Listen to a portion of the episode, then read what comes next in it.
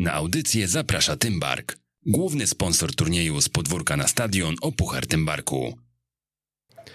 13 dzień października, środa, godzina 13. Zaczynamy kolejny odcinek z podwórka na stadion.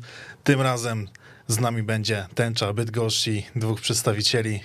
E, Michał Gliński, trener e, UKS Tęczy. Dzień dobry, witam serdecznie. I pan Ryszard Jarząbek, tak zwany Piasecki. Dzień dobry, witam serdecznie wszystkich. I oczywiście prowadzą audycję. Przemysław Mamczak. I Arkadiusz Dobruchowski.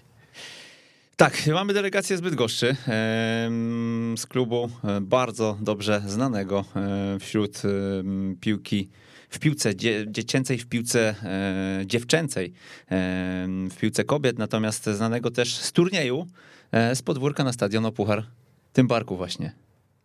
Zgadza się. No tutaj Tymbark jest taką, takim magnesem, e, czymś, e, dlaczego w ogóle tutaj tęcza została kiedyś dawno powołana. Ona była oczywiście związana przede wszystkim e, to powołanie z filmem e, Miś, kiedyś dawno, dawno temu, ale te turnieje, właśnie ten Tymbark, Puchar Tymbarku, e, to jest coś absolutnie niesamowitego. Także e, tutaj jest to jeden z dla nas takich, no głównych, główna takich e, atrakcji dla, dla dzieci, dla trenerów, dla rodziców i po to to wszystko robimy.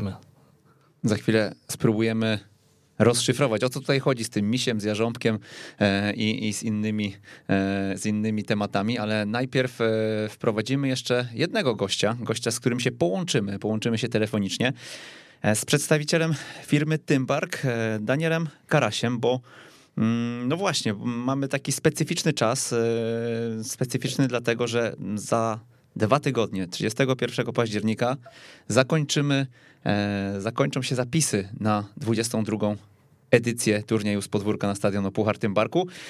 E, no i właśnie, słyszymy się, panie Danielu? Tak, dzień dobry, witam. Dzień dobry, no nareszcie, nareszcie wracamy. Półtora roku e, w blokach startowych. Trudny czas za nami.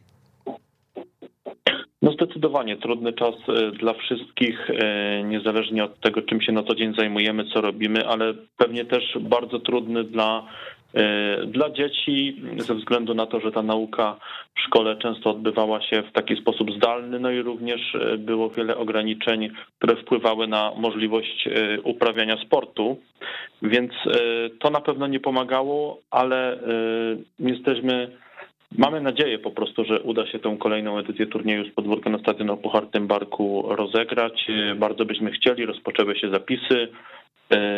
No i jesteśmy, jesteśmy na starcie. Cały czas można się zapisywać właśnie do końca października, więc patrzymy optymistycznie w przyszłość i, i mamy nadzieję, że uda nam się tą 22 edycję rozegrać. My też czekamy, też optymistycznie e, patrzymy. Tęcza też e, patrzy optymistycznie i czeka na kolejne, e, na kolejną edycję i kolejne rozgrywki, ale przede wszystkim czekają dzieciaki, bo któreś już, już kolejne dwa roczniki, ostatnie niestety przegapiły swoją szansę występu mm, w tym turnieju. To może kilka słów organizacyjnych. Jak to wygląda, jeżeli chodzi o proces zapisów? Momencie e, zapisy trwają. Cały czas, tak jak powiedziałem, można zgłaszać drużyny. Drużyny można, mogą zgłaszać trenerzy oraz nauczyciele. E, są to zespoły w trzech kategoriach wiekowych: e, do lat 8, do lat 10 i do lat 12. I żeby zapisać taki zespół, trzeba wejść na stronę z podwórka na stadion.pl, mm, tam wybrać przycisk zapisz się, zgłoś drużynę i E, i wypełnić formularz zgłoszeniowy, gdzie trzeba podać liczbę drużyn e, i, i wszystkie takie informacje, które są ważne z punktu widzenia organizacyjnego. No i to trzeba zrobić do końca, do końca października. E, również szczegółowy regulamin rozgrywek, właśnie z opisanymi kategoriami wiekowymi, z opisanymi mm, warunkami uczestnictwa poszczególnych zawodników w poszczególnych kategoriach wiekowych jest dostępny na stronie z podwórka na stadion.pl. Tam są wszystkie szczegółowe informacje, wszystkie organizacyjne informacje, wszystkie informacje na temat e, tego, e, jak wygląda turniej, jak wygląda udział w tych rozgrywkach, więc zachęcam e, trenerów i nauczycieli do, mm, do wejścia na tą stronę i, i do, do, do zasięgnięcia mm, informacji, ponieważ jest jeszcze dużo czasu, żeby się zapisać do tej nowej edycji. na pewno myślę, że zarówno trenerzy, jak i, jak i dzieci z dużą niecierpliwością, z dużą taką nadzieją czekały na, mm, na jesień i na to, czy, czy, czy rozgrywki wystartują, czy rozgrywki wrócą. E, tak jak powiedziałem, bardzo chcielibyśmy e, rozegrać e, turniej z podwórka na stadionie Puchar Barku w tym normalnym trybie. Oczywiście śledzimy wszystkie doniesienia związane z obostrzeniami, z aktualnie panującą sytuacją związaną jakby z pandemią, więc cały system rozgrywek, jakby harmonogram będzie dostosowany do możliwości, jakie w danym momencie będą. Natomiast na chwilę obecną ta kluczowa informacja jest taka, że trwają zapisy i można się do tej kolejnej edycji rozgrywek e, zapisać właśnie na stronie spodwórka na stadion.pl. Ja może dodam tutaj ze strony tęczy, że jest to bardzo łatwe, że e, naprawdę nie, nie stanowi to żadnego problemu, można to zrobić naprawdę w kilka chwil. No i my jako tęcza już jesteśmy zgłoszeni we wszystkich kategoriach wiekowych. No tego się mogliśmy spodziewać. E, tego się mogliśmy spodziewać, a ja zapytam e, panie Danielu jeszcze, czy finał wraca na Stadion Narodowy. Wiemy, że ostatnie dwie edycje Pucharu Polski odbywały się e, w Lublinie. Mm, no i, i, i teraz pewnie mm, wszyscy też e, z tą magią narodowego e, wiążemy turniej, więc, więc, więc pewnie, pewnie ściskamy kciuki, żeby jednak spotkać się w Warszawie. Tak jak powiedziałem e, na początku, jakby jest bardzo wcześnie, by jeszcze deklarować mhm. e, konkretne rzeczy, jakby wspólnie z organizatorem turnieju, z Polskim Związkiem Piłki Nożnej e, cały czas jakby pracujemy nad tą obecną edycją rozgrywek i, i cały czas jakby mm, mamy w głowie różne scenariusze w zależności od tego, jak będzie wyglądać sytuacja związana z obostrzeniami, czy też z nauką dzieci w szkołach, no bo to jest kluczowe dla, dla turnieju który biorą udział e, szkoły podstawowe, gdzie większość drużyn stanowią szkoły właśnie podstawowe, więc e, na tą chwilę jakby mm, jest za wcześnie, żeby deklarować się, jak będzie wyglądała wiosna, bo nikt tego nie wie. Natomiast tak jak powiedziałem, no wszyscy byśmy chcieli e, razem, razem z organizatorem, razem z Polskim Związkiem Piłki Nożnej rozegrać tą 20. edycję turnieju w normalnej formule tak by, no by dzieci, by trenerzy, by wszyscy uczestnicy mieli no jak największą frajdę i poczucie, że, e, że po prostu e, to uczestnictwo w rozgrywkach było takie jak w poprzednich edycjach. Czy coś się zmienia względem tego, co, co dwa, trzy lata temu? Czy jakieś nowości wprowadzacie? Generalnie rzecz biorąc, wszystko wygląda bardzo podobnie czyli kategorie wiekowe tutaj e, one są bez zmian. Oczywiście zmieniają się roczniki, które mogą w poszczególnych kategoriach wiekowych zagrać. E, natomiast jakby sama struktura rozgrywek e, nie uległa zmianie, etapy też nie. Jedyne zmiany, jakich możemy się spodziewać, no to mogą być związane z harmonogramem, ale wynikiem, te zmiany będą tylko i wyłącznie wynikiem tego, mm, jak będzie wyglądała, tak jak mówię, sytuacja związana z ograniczeniami, e, które mogą zostać wywołane pandemią. Mamy nadzieję, że, e, że będzie możliwość rozegrania e, turnieju przy zachowaniu wszystkich wytycznych związanych z bezpieczeństwem i tak dalej, i tak dalej. Natomiast nie wiemy tego na chwilę obecną, więc, więc to mogą być te zmiany organizacyjne, które się pojawią. Tak jak mówię, tutaj bezpieczeństwo E, uczestników, dzieci, trenerów, e, wszystkich osób zaangażowanych w ten projekt jest dla nas kluczowe. E, dlatego no, będziemy dostosowywać rozgrywki, ich harmonogram do tego, jak będzie wyglądać sytuacja związana właśnie z ewentualnymi obostrzeniami.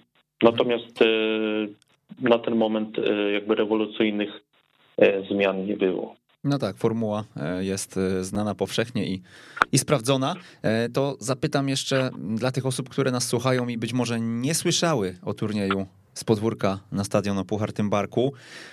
To turniej największy w Europie i w nim podczas tego turnieju wielu reprezentantów Polski stawiało pierwsze kroki. Tak. Przede wszystkim trzeba powiedzieć, że e, główną ideą e, rozgrywek jest zachęcanie dzieci do uprawiania sportu i zachęcanie dzieci do do gry w piłkę nożną, bo, y, bo tak też w sporcie można się zakochać właśnie poprzez daną dyscyplinę sportu, niezależnie od tego, czy później w dorosłym życiu y, będzie się grało w piłkę, czy, czy, czy, czy grało w siatkówkę, czy w koszykówkę, bo takie też przykłady w turnieju y, mamy, że, że ktoś brał udział w danej edycji, a, mm, a potem grał nawet zawodowo, czy to w siatkówkę, czy to w piłkę ręczną. Natomiast wracając do tego, o czym pan powiedział, turniej jest szansą również na, e, na odkrycie talentu, na e, wy, mm, wyłonienie takich najbardziej uzdolnionych zawodniczek i zawodników, ponieważ e, ta możliwość rywalizacji z najlepszymi w swoim województwie, czy w swoim powiecie, czy w swojej gminie i potem na poziomie ogólnopolskim no, daje możliwość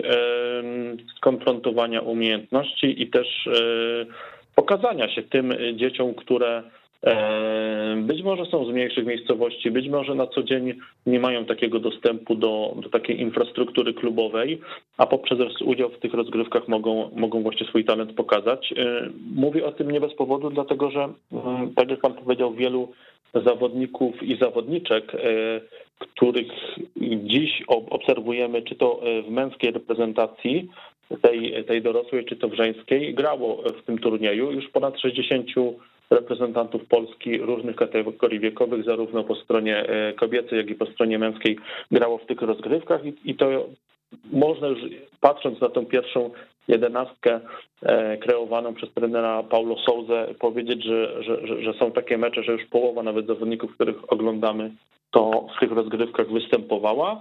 I podobnie jest w przypadku reprezentacji kobiecej prowadzonej przez selekcjoner Geniny Patalon. E, tam również e, te dziewczyny, które w turnieju w dzieciństwie grały, stanowią bardzo dużą i ważną część, bo, bo też często nawet połowy wyjściowego składu na czele z Pauliną Dudek, która przecież cały czas ma ten zaszczytny tytuł najlepszej piłkarki w Polsce, która siódmą edycję turnieju z podwórka na stadionie Puerto Barku wygrała, została uznana w ogóle najlepszą zawodniczką tych rozgrywek a potem e, poprzez złoty medal Mistrzostw Europy do lat 17 e, bodaj i, i, kolejne sukcesy klubowe i ligowe mm, no jest w reprezentacji i jest e, w PR-ze francuskim, także to na pewno jest fajny wzór dla, dla wszystkich dziewczynek, które grają w piłkę nożną, a jest ich coraz więcej i bardzo się cieszymy, jesteśmy z tego dumni, że jakby turniej pełni taką rolę właśnie popularyzacji tej dyscypliny i w formie takiej społecznej i wśród dziewczynek, ponieważ dziewczynki stanowią już praktycznie 30% uczestników, więc, e, więc to bardzo dużo. A jeśli chodzi o te takie mm, nazwiska, które działają na wyobraźnię pewnie dzieci, których oglądamy mm, na co dzień e, czy na boiskach polskich, czy europejskich, czy w reprezentacji, no to oczywiście jest Arkadiusz Milik, e, to jest Krzysztof Piątek, to jest Jakub Modar, to jest Tymoteusz Puchacz, to jest Bartłomiej Drągowski, to jest Piotr Zielnicki, to jest Bartosz Bereszyński, Także tych nazwisk jest bardzo dużo. Również Kacper Kozłowski. Mm, wszystkie historie są opisane na stronie spodórka na stadion.pl, więc zachęcam tam również do odwiedzenia E, tej strony, żeby, e, żeby poszukać właśnie inspiracji, bo mm, tak jak powiedziałem, z jednej strony turniej zachęca do ruchu, do uprawiania sportu najmłodszych, bo, bo ta konkurencja dzisiaj o wolny czas dziecka, o to, żeby go w jakiś sposób zająć, e, no sportu jest bardzo wymagająca, ponieważ no, sport rywalizuje czy to z komputerem, czy to z telewizją i, i, i jakby trzeba, trzeba naprawdę dużo wysiłku włożyć w to, żeby, żeby dzieci zachęcać do sportu, a piłka nożna jest do tego jednym z najlepszych narzędzi, bo jest sportem numer jeden w naszym kraju. Ja może dodam, że tutaj potwierdzam te słowa, bo ten turniej tym barku to jest taka niesamowita, absolutnie fantastyczna trampolina do tego, żeby, żeby zachęcić się do tego sportu, do piłki nożnej. I tutaj z naszej perspektywy muszę powiedzieć, że te dziewczynki, które miały przyjemność i okazję grać na Stadionie Narodowym, e, a byliśmy w dwóch ostatnich edycjach, e, właśnie mieliśmy przyjemność tam zagrać, to właśnie za niecałe dwie godzinki Jedna z nich zadebiutuje w pierwszym składzie reprezentacji Polski U15, Ania Buchholz, którą serdecznie tutaj pozdrawiam, pewnie już szykuje się do meczu. Ona właśnie miała okazję wystąpić w tym turnieju, została wyselekcjonowana przez Polski Związek Piłki Nożnej i dzisiaj dostąpi zaszczytu debiutu po raz pierwszy z orzełkiem na piersi. Także te marzenia się faktycznie spełniają i ten turniej jest taką okazją do tego, żeby te dziecięce marzenia przekuć w rzeczywistość. No to ja bym jeszcze dodał do tego... Kolejną, kolejną historię mamy do opisania. Oczywiście, jakby bardzo nas cieszy e, to, co, to, co pan trener powiedział i jakby wszystkie te historie dają mnóstwo satysfakcji, bo jakby e, pokazują, że, że ta inwestycja w sport dzieci i młodzieży ma sens i, i faktycznie e, jeśli robi się to długofalowo, a my jako tym bardziej jesteśmy głównym sponsorem od 15 lat, no to później można jakby z dumą te efekty obserwować. E, ja dodam jeszcze do tego, co pan trener powiedział, że właśnie i na finałach wojewódzkich, i na finale ogólnopolskim te rozgrywki dzieci obserwują skauci Polskiego Związku Piłki Nożnej i potem faktycznie ci najbardziej uzdolnieni mają szansę pojechać na letnią, zimową Akademię Młodych Orłów, czy też właśnie mm, dostać powołanie już do tych pierwszych reprezentacji y, od U15 począwszy. No ale oczywiście też y, to, o czym trener powiedział, czyli gra na Stadionie Narodowym, y, którą turniej umożliwiał, to jest niezwykłe przeżycie dla wszystkich uczestników. Wiemy, że robi to duże wrażenie dla, na zawodowych piłkarzach, a co dopiero na dzieciach, więc to na pewno jest też e, jakaś motywacja do udziału w rozgrywkach. Mm, także nagroda główna, no bo e, do tej pory e, wszyscy zwycięzcy mogli w ostatnich latach spotkać się osobiście z reprezentacją Polski, wziąć udział w meczu reprezentacji na żywo, obejrzeć go z trybu narodowego, więc to są wszystko no, spełnienia marzeń dla tych dzieci, które kochają piłkę nożną i, i bardzo nam zależy, żeby żeby cały czas w tą stronę podążać, no i móc te marzenia spełniać y, w tej edycji i w kolejnych. Często, często to podkreślacie, że by móc wybiec na murawę Stadionu Narodowego, mm, trzeba zagrać w reprezentacji Polski w finale Pucharu Polski lub w finałach e, Pucharu e, turnieju z podwórka na stadion o Puchar Tymbarku. Z podwórka na stadion.pl. Pamiętajcie o zapisach do końca października. E, trzymajcie rękę na pulsie, bo tego czasu jest coraz mniej, więc e, jeżeli w kategoriach U8, U10 bądź U12, e, bez względu na to, czy mm, prowadzicie drużynę chłopców czy dziewczynek, mm, macie taką drużynę właśnie wśród swoich podopiecznych, koniecznie, koniecznie wchodźcie na stronę i z podwórka na stadion.pl PL. Tam dołączajcie, e, no i napiszcie może taką historię jak tęcza Bydgoszcz, bo myślę, że o tęczy e, głośno się zrobiło dzięki temu turniejowi. Ale do tego przejdziemy za chwilę. E, póki co zwalniam linię i dziękujemy Danielowi Karasiowi z firmy Tymbark. Dziękuję. Dziękujemy i do usłyszenia, a my przechodzimy w takim razie do tej waszej przygody, bo tutaj, tutaj bardzo w pozytywnych słowach się wypowiadacie o o turnieju, który możemy stwierdzić, powiedzieć, że on zmienił e, trochę bieg waszej historii?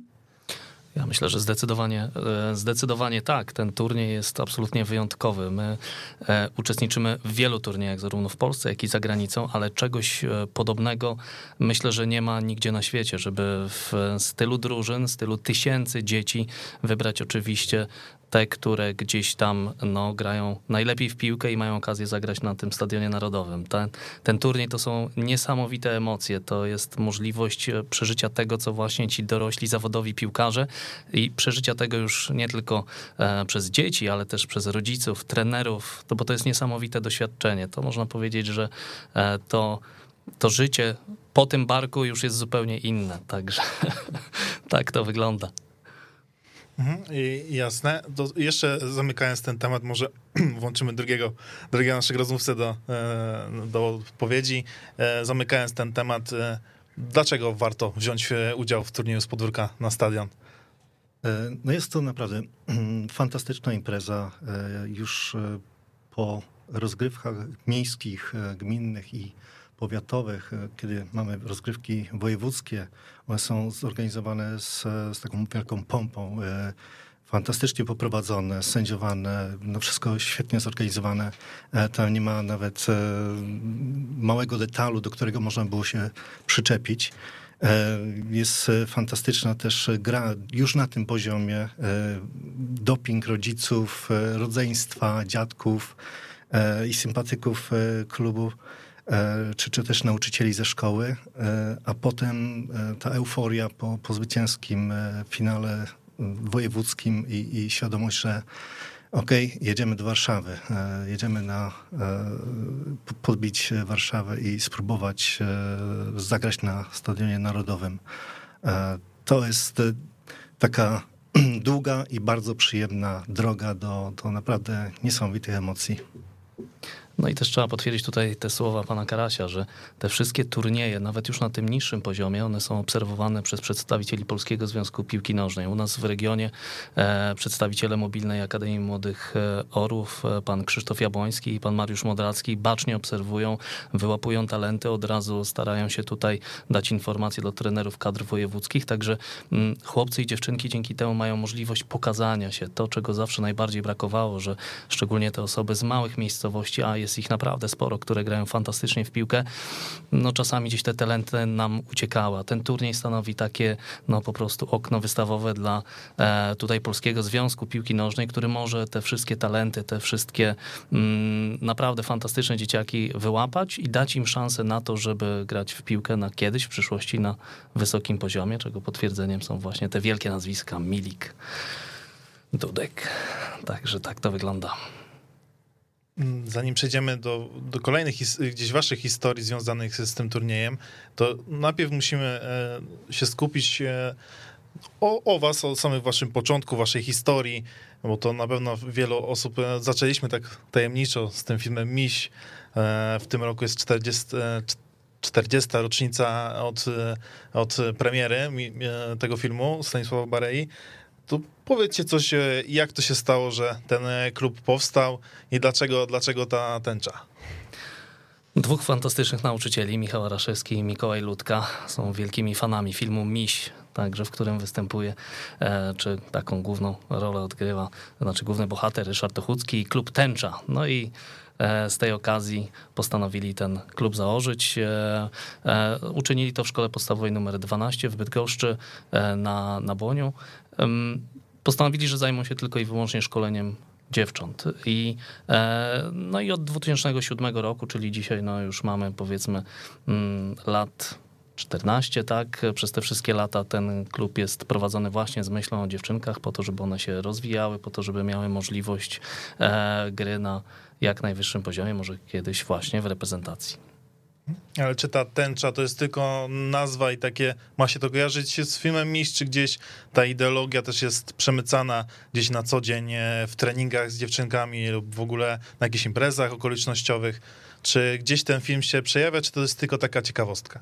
Znaczy, nie jest to, myślę, taka, taka ciekawostka. Ta ideologia e, misia, czyli ta e, atmosfera, te żarty, te zabawne historie, te e, no, takie, bym powiedział, śmieszne rzeczy, które u nas są, one są na, właśnie na porządku dziennym. Nie? U nas nie ma takiej poważnej atmosfery, u nas e, nie ma jakichś wielkich prezesów, kierowników, dyrektorów, wszyscy są sobie równi i ta niesamowita atmosfera, która również jest w tym filmie, no to ona się tutaj przekłada również u nas i ta liczba żartów, które, które są zarówno w treningach, jak i w takim codziennym, że tak powiem, funkcjonowaniu klubu, czyli w kontaktach z rodzicami, czy z innymi klubami i tak dalej, jest naprawdę na zupełnie innym poziomie niż gdzie indziej. Wszystko jest na dużym luzie, z uśmiechem, z radością, z fantazją, także można powiedzieć, że wszystko jest w formie tutaj zabawy i po to to robimy.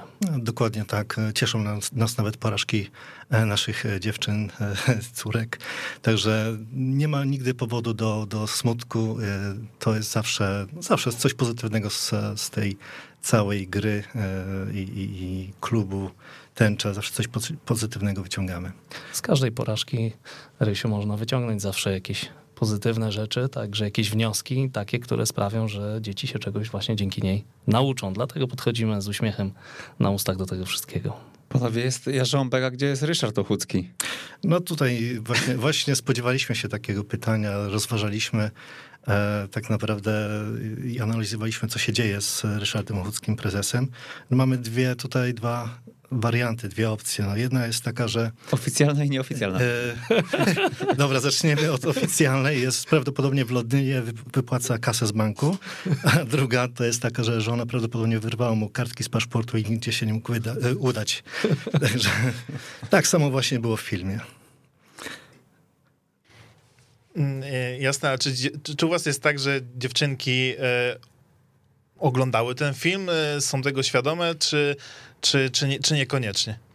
Ja myślę, że dziewczyny nie oglądały tutaj w większości oczywiście przypadków tego filmu. My tam jakieś elementy staramy się gdzieś tam przemycić, właśnie te takie żartobliwe i tak dalej. Natomiast no, nie jest to u nas takim elementem obowiązkowym, że jak się dostajesz do klubu, to koniecznie musisz obejrzeć film, także nie ma tutaj takiego obowiązku. No myślę, że, że do tego filmu po prostu trzeba dojrzeć. To, to nie jest e, film, który pewnie dzieci by bardzo jakoś zaciekawił, natomiast jak już człowiek jest dorosły, e, ogląda to e, a, a tym bardziej dla osób, które no, poniekąd żyły w tamtych czasach, e, no to jest, to jest e, masa śmiechu i e, dobrej zabawy.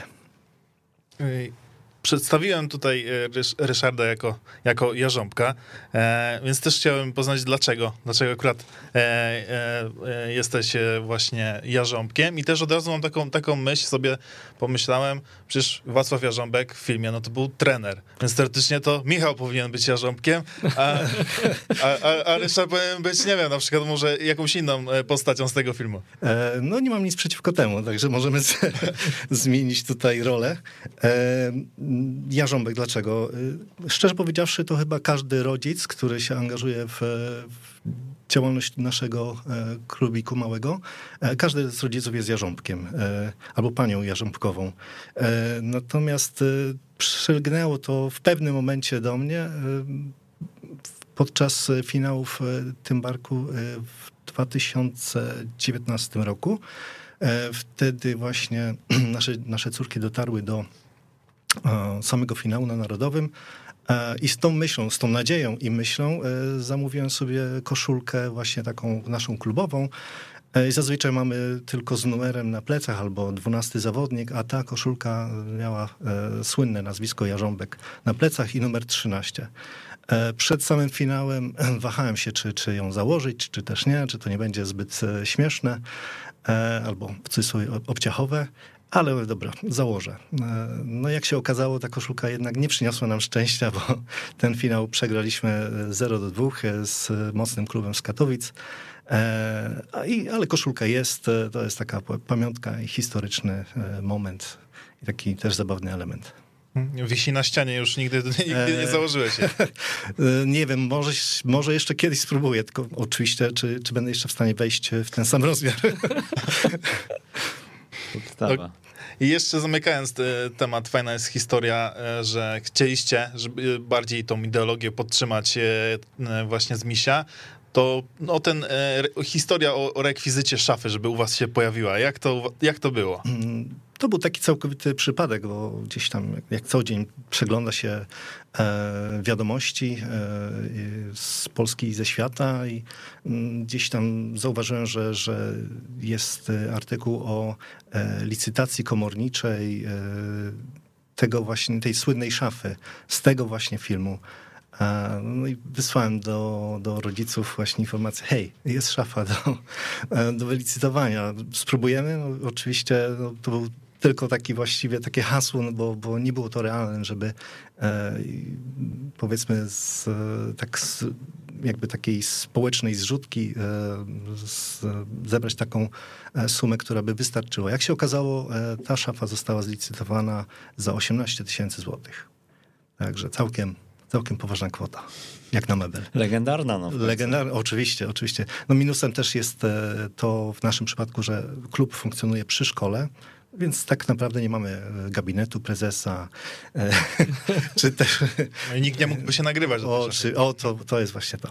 Ale a propos nagrań właśnie, to e, wprowadziliśmy od niedawna, można powiedzieć, taki zwyczaj. Jeden z rodziców, który dosyć często do mnie dzwoni, jeden z rodziców naszej zawodniczki, Marek Mrozik, którego serdecznie tutaj pozdrawiam, to zawsze jak do mnie dzwoni, to zawsze wita mnie tak w bardzo specyficzny sposób. Witam najwybitniejszego trenera na świecie. Także także czasami nagrywa to również na automatyczną sekretarkę, także taka namiastka szafy cały czas u nas funkcjonuje.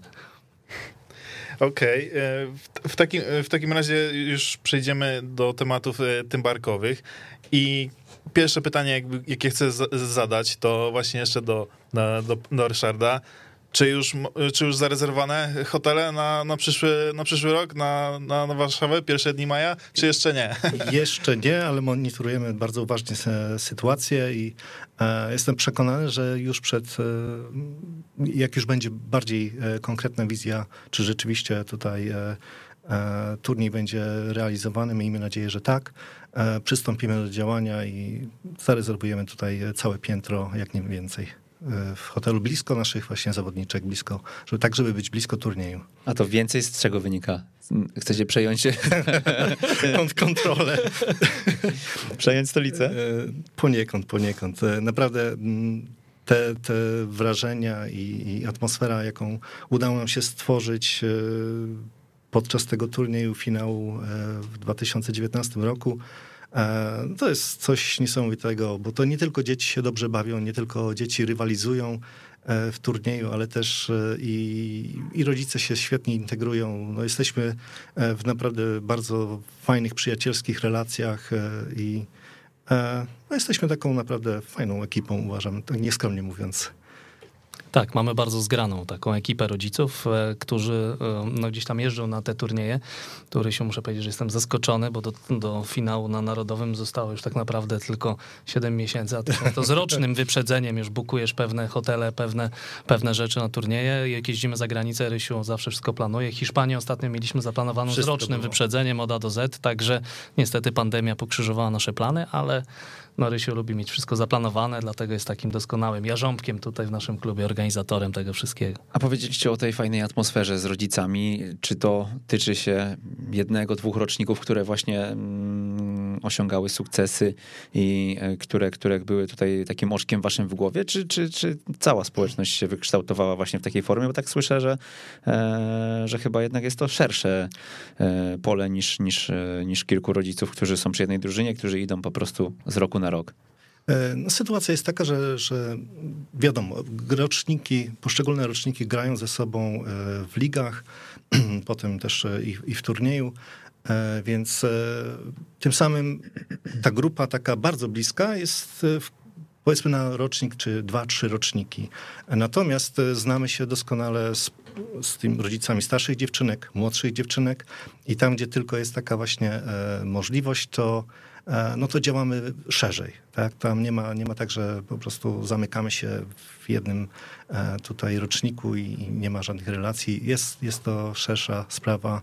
E, no każdy każdemu jest w stanie pomóc tak jak ty, Przemek, postrzegasz e, piłkę nożną, pewnie przez pryzmat e, piłki męskiej, gdzie są przyporządkowane roczniki do każdej drużyny i tak dalej. U nas czegoś takiego nie ma. Mm, u nas jest e, jedna wielka rodzina, mamy zespół, bym powiedział, od rocznika 2007 do 2011, w którym właśnie jest córka Rysianina i one uczestniczą w najróżniejszych rozgrywkach. Te roczniki ze sobą mieszamy, w związku z czym rodzice też się ze sobą znają, też jeżdżą wspólnie na turnieje, czyli jeździmy, mówię, czy do Czech, czy gdzieś za granicę, czy do Niemiec. Jedzie z nami e, zawsze bardzo duża ekipa rodziców, którzy się naprawdę absolutnie doskonale bawią. Jak Rysiu wspominał ten Tymbark, no to wynajęli tutaj całe piętro e, w jednym e, z hoteli tych tymbarkowych z rocznym wyprzedzeniem i bawili się naprawdę fantastycznie przez cztery dni, chodząc sobie w ciągu dnia na mecze swoich córek, a wieczory bardzo miło spędzając na integracji. Wieczorem analizowaliśmy grę tak naprawdę. Tylko czemu do 7 maja? Bo było dużo do omówienia. Warto zaznaczyć, że to bukowanie było jeszcze przed tym, jak jeszcze nie widzieliście, że pojedziecie do Warszawy. E, zgadza się, tak. E, może i ryzyko nie było jakieś wielkie, bo, bo w dzisiejszych czasach można rzeczywiście zarezerwować sobie hotele z opcją anulacji nawet na dzień przed przyjazdem. E, no ale stwierdziliśmy dobrze, okej, okay, jest czas, e, jest e, kilka tygodni przed finałami wojewódzkimi, zróbmy to, rezerwujemy i tak się fajnie służyło, że właśnie wszyscy praktycznie byliśmy w jednym kompleksie, bo to jest ten sam kompleks hotelowy. Pozwalało to na naprawdę bliski kontakt z naszymi córkami, ale też i na, na tą właśnie taką wspaniałą integrację. To teraz przejdziemy już do samych historii z, z, z turnieju z podwórka na stadion i to, co wszystkich tutaj najbardziej elektryzuje ten stadion, e, stadion narodowy. Jak pierwszy raz e, na nim były dziewczynki, bo to też dziewczyny trochę inaczej reagują niż, niż chłopcy, tak jak już mieliśmy wiele historii chłopców, że jestem ciekawy, jak to wygląda z perspektywy takich dziewczynek, jak one przeżywają to wejście, wejście na stadion na narodowy. Czy to tak same robi na nich wrażenie, czy jeszcze większe wręcz? I gdzieś ten paraliż, może nawet tak to ujmę, e, na początkowych minutach spotkania jest bardzo widoczny. Wiesz co, to są naprawdę, myślę, że niespotykane emocje, tak? To dorośli reprezentanci Polski czasami mają problem tutaj, żeby wejść odpowiednio w mecz, więc e, co tutaj powiedzieć o dziewczynkach, które mają 9-10 lat? E, wiadomo, że dla nich to też jest e, bardzo duże przeżycie. Natomiast ja muszę powiedzieć, że ta nasza ekipa jest taka, że ona dosyć szybko się adaptuje do tych nowych warunków, które ma okazję przeżywać i mija kilka minut, kilkanaście minut, one zaczynają już to wszystko rozumieć, zaczynają się, się przyzwyczajać i, i one e, zaczynają czuć wreszcie tą, tą grę. Ale na pewno są to i tak ogromne takie, bym powiedział, emocje być w tym samym miejscu co reprezentacja, przebierać się w tej samej mm, szatni, także e, Dzień dobry TVN, który tutaj, e, że tak powiem, transmituje całą e, tą e, uroczystość. Oprócz tego prezes Zbigniew Bonie, który podchodzi, wita się, przybija zawodniczką piąteczki i tak dalej. No jest to na pewno dla nich takie no, niesamowite, niesamowite przeżycie. Jeszcze fantastyczne tutaj wrażenie robi ta muzyka Tomasza Dolskiego, ci piraci z Karaibów. Ja mam do dzisiaj to ustawione jako dzwonek w telefonie. Po prostu coś no, niesamowitego, jak wchodzisz, jak ciarki cię przechodzą jak wchodzisz jako trener, czy jako, jako, jako dziecko, no jest to absolutnie niesamowite i, e, no i polecam każdemu, żeby to, to przeżyć, nie? bo to naprawdę jest coś absolutnie fantastycznego. A jak dziewczynki na to, na to reagowały, bo czy były właśnie tak sparaliżowane, nie wiedziały, co się dzieje i tak y, przytłaczało to ich, czy, czy wręcz odwrotnie były zmotywowane i gotowe do, do, do walki? Wiesz co, z naszej metodologii wynika, że dziewczynki zawsze przed każdym meczem spotykamy się, ustalamy e, zasady, którymi gramy. Przed tym e, meczem finałowym również usiedliśmy na murawie Stadionu Narodowego. E, dziewczyny powiedziały, no spokojnie, to jest tylko taki większy orlik, nie? Tak. Natomiast wspólnie razem ustaliliśmy zasady, zadania do realizacji, to w jaki sposób chcemy grać, co się będzie działo w kolejnych fazach meczu. No i starały się to, e, starały się to realizować. I z każdą minutą tego meczu, na początku oczywiście było bardzo trudno, zespół z Katowic, z którym e, graliśmy, prowadzony przez fantastycznego trenera Tomka Nawrockiego, którego też e, serdecznie pozdrawiam, no to był bardzo mocny fizycznie i dziewczyny tutaj miały bardzo, bardzo trudne zadanie. Były dziewczynki tam wyższe od naszych od 20-30 centymetrów, także była bardzo duża dysproporcja. Natomiast y, dziewczyny się nie poddawały i walczyły do samego końca i, i, ta druga połowa w naszym wykonaniu w 7 minut, 10 strzałów, słupek, no po prostu niesamowita postawa, heroiczność, waleczność dały z siebie absolutnie wszystko i tutaj chwała im za to, no bo tak jak mówię, adaptują się szybko do nowych warunków i radzą sobie z tą sytuacją, która ma miejsce. Nie? No. Te, te, pytania zadałem dlatego, dlatego że wiem, że dzień wcześniej, no to dziewczyny jak awansowały do finału, no to nie mogły zasnąć, dlatego tak się zastanawiałem, czy to aż tak te emocje w nich jeszcze się działy tego dnia finałowego. E, tak, nie mogły zasnąć. E, część dziewczynek nie mogła zasnąć. E, u nas mamy też taki zwyczaj, że mm, jako klub nie wyznaczamy dziewczynkom, nie ma czegoś takiego jak narzucony z góry regulamin, to dziewczynki sobie ustalają samodzielnie, e, e, kiedy będzie cisza nocna, czyli co tak naprawdę od razu my jako trenerzy będziemy wiedzieli, czy one chcą zagrać w tym turnieju, czy chcą zagrać dobrze, czy niekoniecznie, czy ktoś ma jakieś inne plany.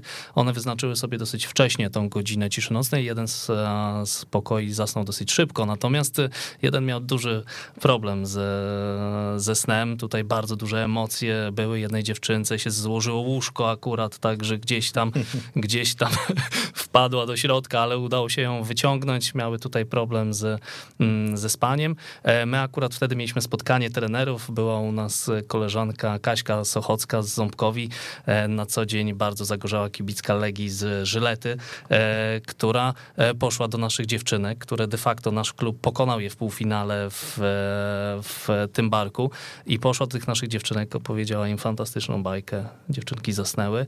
Na drugi dzień e, oczywiście były te emocje, no ale one e, tutaj zostały stonowane przez rodziców, bo przyjechali rodzice rano do hotelu, e, fryzjer, make-up, wszystko po prostu, no jakbyście to zobaczyli, to normalnie e, salon beauty, spa najwyższej klasy, także e, no dziewczynki były fantastycznie przygotowane wizualnie, fizycznie, no wyglądały absolutnie kapitalnie. E, te emocje oczywiście były cały czas w nich duże, ale wspólnie razem staraliśmy sobie z tym poradzić, także powalczyliśmy. Na Narodowym przeżyliśmy niesamowitą historię. A jak Jarząbek e, na to spoglądał te, te, te dni właśnie finałowe? E, no rozgrywki, powiem tak, w sumie nasze córki, bo Michała córka też gra i to gra fantastycznie w piłkę, tak samo jak tata grały, grają tej samej drużynie. nie grał No właśnie, ale był blisko, powiem tak, był blisko. Tata też grał kiedyś w reprezentacji Polski, U15. Kilka spotkań udało mi się tutaj rozegrać. Miałem przyjemność e, gry w roczniku U7-1 u pana doktora Krzysztofa Paluszka, którego też pozdrawiam. E, no natomiast później już przydarzyła mi się kontuzja, więzadła krzyżowe, łąkotki, no i tą przygodę z piłką trzeba było przekuć w karierę trenerską, powiedzmy. E, tak, no i wracając tutaj do, do tych rozgrywek i emocji e, wśród rodziców, e, to tak nasze córki grały już rok wcześniej też w finałach Pucharu, no, Puchar Tymbarka.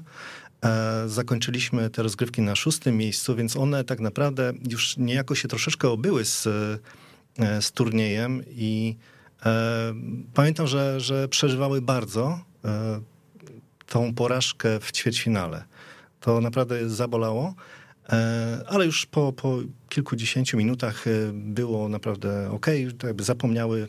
Mm, to, ta porażka tak naprawdę pozwoliła im na to, że one rok później e, były mentalnie lepiej przygotowane. One nawet tą porażkę w finale już tak nie przeżywały. Może tam łezka się zakręciła wśród kilku z dziewczyn, ale reszta po prostu ok, spuściła głowę, chwilę przemyślała sobie to, a potem była ta, ta refleksja, ale jednak zagrałam na Narodowym. Także e, to jest chyba cenne, to będą pamiętać do, do końca życia. A my rodzice z kolei, przepraszam, e, rozgrywkach e, grupowych nie przeżywaliśmy tego aż tak bardzo. No, kibicowaliśmy, ale byliśmy pewni ich postawy, pewni ich umiejętności i tego, że, że tutaj są prowadzone przez trenerów e, rewelacyjnie e, i, i po prostu bramki będą się usypały jak z rękawa. I potem przyszły kolejne mecze, półfinał z, z Ząbkowią, który był niezwykle trudny. Trudne warunki nam drużyna przeciwna postawiła. Prowadziliśmy w tym meczu 1-0, e, już taki promyk nadziei był. Mm, następnie bramka na 1 do 1, e, czas ucieka i tylko była ta, ta myśl paniczna, oby tylko nie karne, bo tutaj już jest loteria, nie wiadomo co się wydarzy i jak to będzie. Na szczęście nie pamiętam już ile to minut przed końcem e, spotkania padła druga bramka, zwycięska jak się okazało i po tym meczu tak naprawdę, a jeszcze przepraszam, był rzut wolny przed zakończeniem meczu dla Ząbkowi, który ja już nie byłem w stanie patrzeć na to, zwróciłem głowę. E, jak się okazało, e, bramka nie padła, zakończył się 2 do 1 dla nas i, i, i to już było po prostu taki, okej, okay, emocje zeszły do normalnego poziomu, E, i już można, można było się cieszyć. To był niesamowity moment. Chyba bardziej się cieszyłem z tego zwycięstwa w półfinale niż z samego faktu, że potem jesteśmy na Narodowym, bo to już po prostu było ok, jesteśmy, whatever. Także fajnie, fajne naprawdę emocje. Serdecznie polecam. A co najbardziej zapamiętaliście e, z tego turnieju? Jakie właśnie historie związane z otoczką, może, może też z samymi meczami? Co tak najbardziej wam utkwiło w pamięci? Może Michał najpierw. Wiesz co, no, turniej ogólnie ma bardzo wysoki poziom, nie? To trzeba powiedzieć, bo to są najlepsze absolutnie drużyny z e, każdego województwa. Także wreszcie masz możliwość, i to jest chyba jedyna możliwość w tej kategorii wiekowej, gdzie masz możliwość konfrontacji i sprawdzenia twojego zespołu, w jaki sposób ty się rozwijasz, a jak to się odbywa w innych częściach Polski. I, no i co się okazało, Rysiu, że e, no, tak naprawdę my na, tej, na tle całej Polski rozwijamy się bardzo bardzo dobrze. Nasze dziewczynki doszły do, do finału, uwzględniając ten finał wojewódzki, który mieliśmy okazję zagrać w świeciu, plus te rozgrywki grupowe.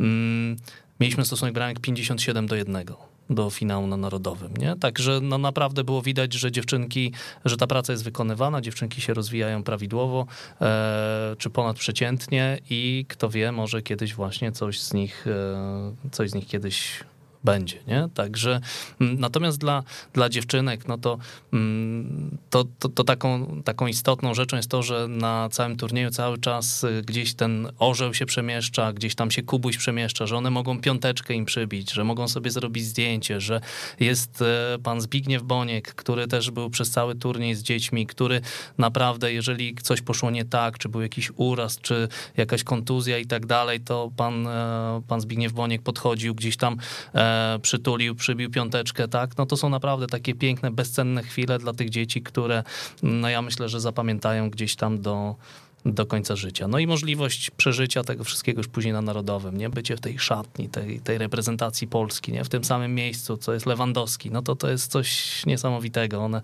to będą pamiętać na pewno, e, no na pewno przez, przez długi, długi czas, nie? Ale takie jeszcze rzeczy bardzo istotne, że, że ty jako trener, czy twoja drużyna jest traktowana jak reprezentacja, jak przyjeżdżasz do tego hotelu po raz pierwszy, jest logowanie, e, są autobusy podstawiane specjalnie dla twojej drużyny, tak, specjalne odprawy trenerskie, mm, no to są rzeczy absolutnie takie, których na tych innych turniejach gdzieś tam e, nie ma. E, dla dziewczynek jest istotna też samodzielność, one muszą już sobie same poradzić z przygotowywaniem posiłku, tak, organizować w hotelu, tak, wszystkie rzeczy związane z, mm, z noclegiem, no muszą być po prostu absolutnie samodzielne. Dla tych dziewczynek, z, szczególnie z mniejszych miejscowości, które no rzadziej powiedzmy mają okazję do jakichś wyjazdów czy uczestnictwa w takich turniejach, to są rzeczy no naprawdę bezcenne, doświadczenia, które gdzieś tam na pewno zaprocentują w przyszłości i sprawiają, że takie obycie ich będzie dużo, dużo większe.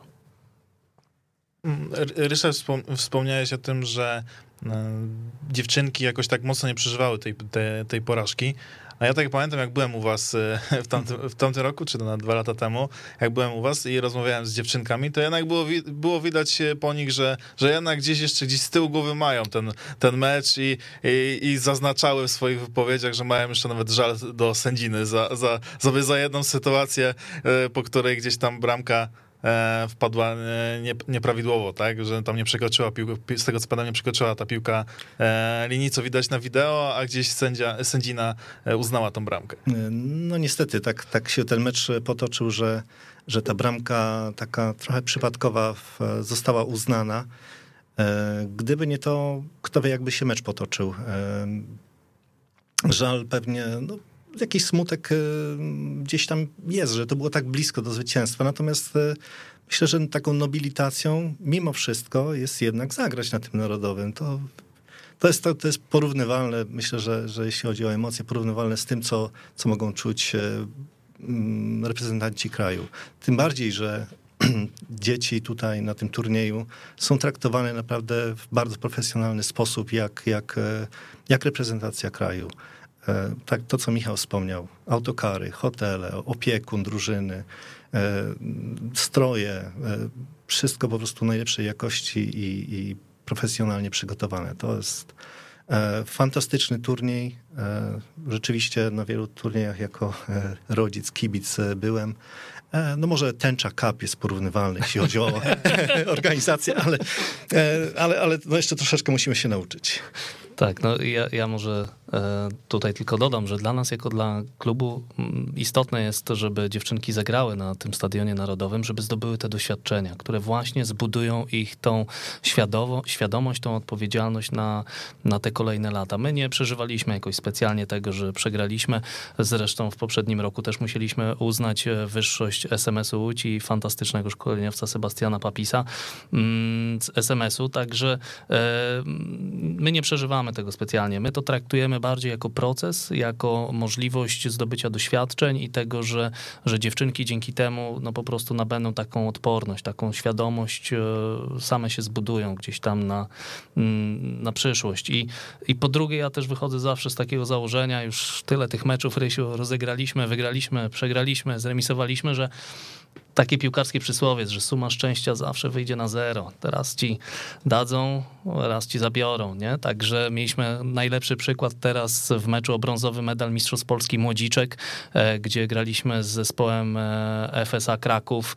No cały mecz naprawdę no, graliśmy kapitalnie, ale nic nie chciało wpaść i w zasadzie minutę po czasie już, gdzie sędzina doliczyła ostatnią powiedzmy minutę, fan, fenomenalna absolutnie akcja dwójkowa właśnie Niny Piaseckiej, która, e, córki Rysia, która dwa lata młodsza była od swoich tutaj koleżanek na boisku i Julki Buszki sprawiła, że w ostatniej sekundzie strzeliśmy bramkę dającą nam brązowy medal Mistrzostw Polski i Młodziczek. Także raz nam zabierze, raz nam da, także spokojnie gdzieś tam ta suma szczęścia zawsze wyjdzie na zero i najważniejsze, żeby solidnie pracować, żeby tutaj dziewczynki mogły się rozwijać, a że wynik no nie zawsze jest taki, jakbyśmy chcieli, to czasami jest zrządzenie przypadku czy losu, tak, no co nie mamy często wpływu.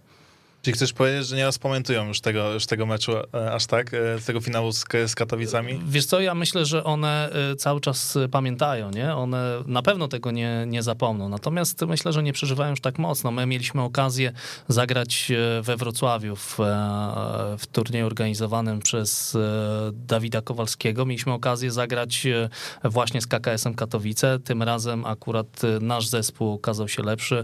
Wygraliśmy 2-1 no, graliśmy absolutnie fantastycznie. Było widać, że dziewczynki przez ten okres czasu zrobiły progres, podobnie zresztą jak zespół z Katowic.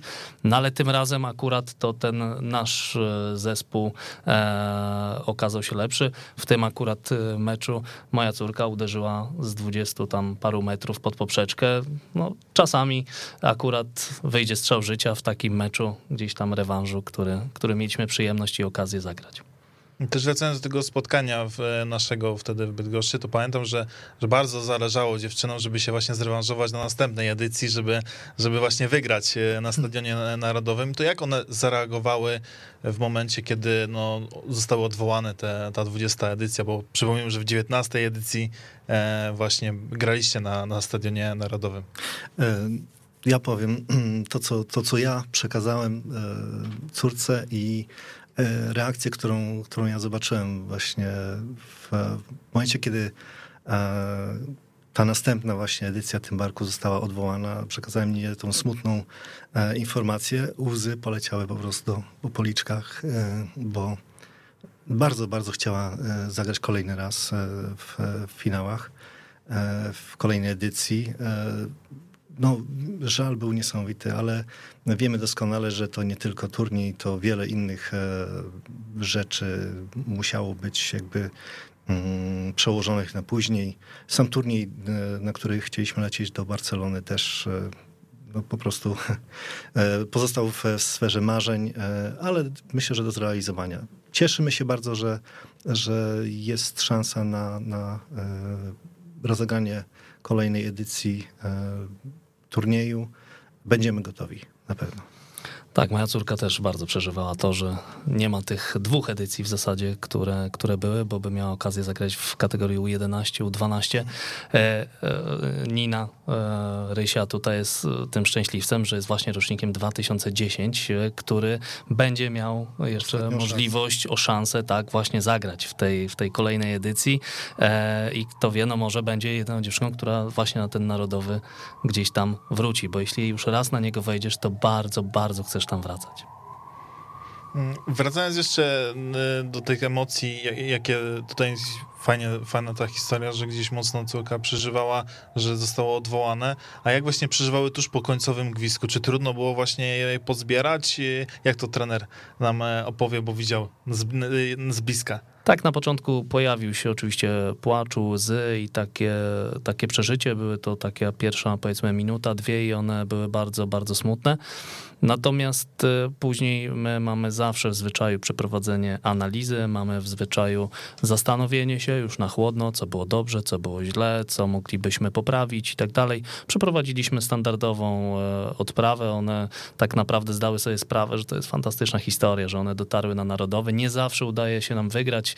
E, ja myślę, że też to, że my w ciągu tych pięciu, sześciu lat, Rysiu, jak już prowadzę ten zespół, to my naprawdę przegraliśmy e, już też wiele spotkań. One już złapały tą odporność, że ta porażka to nie jest nic strasznego, że ona tak naprawdę może cię dużo nauczyć, może dać ci dużo ciekawych doświadczeń i ważne, żebyś wyciągnął z tego jak e, najlepsze wnioski na, na przyszłość. Także one się e, bardzo szybko pozbierały i do tej pory mogę wam powiedzieć taką ciekawostkę, że z tych dziewczynek dziesięciu, które, które razem ze mną były na tym narodowym, to dziewięć dalej tutaj z nami trenuje, da, dziewięć dalej z nami gra, jedna dziewczynka po prostu się przeprowadziła, e, zmieniła miejsce zamieszkania, natomiast e, cała reszta cały czas kontynuuje tą przygodę z piłką i, i doskonale się razem z nami bawi.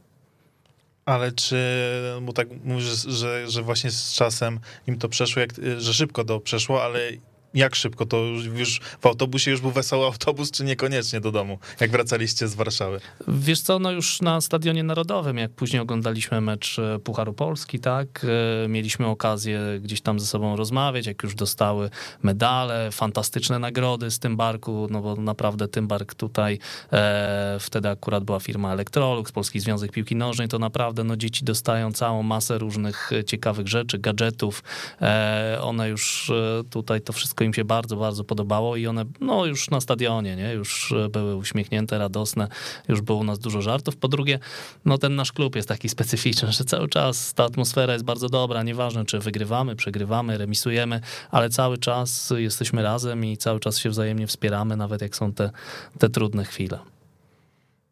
Wcześniej wspomniałeś, mówiąc właśnie o, o, meczu finałowym, że usiedliście na trawie i że one wybrały skład, ustaliły gdzieś taktykę, wasze zasady.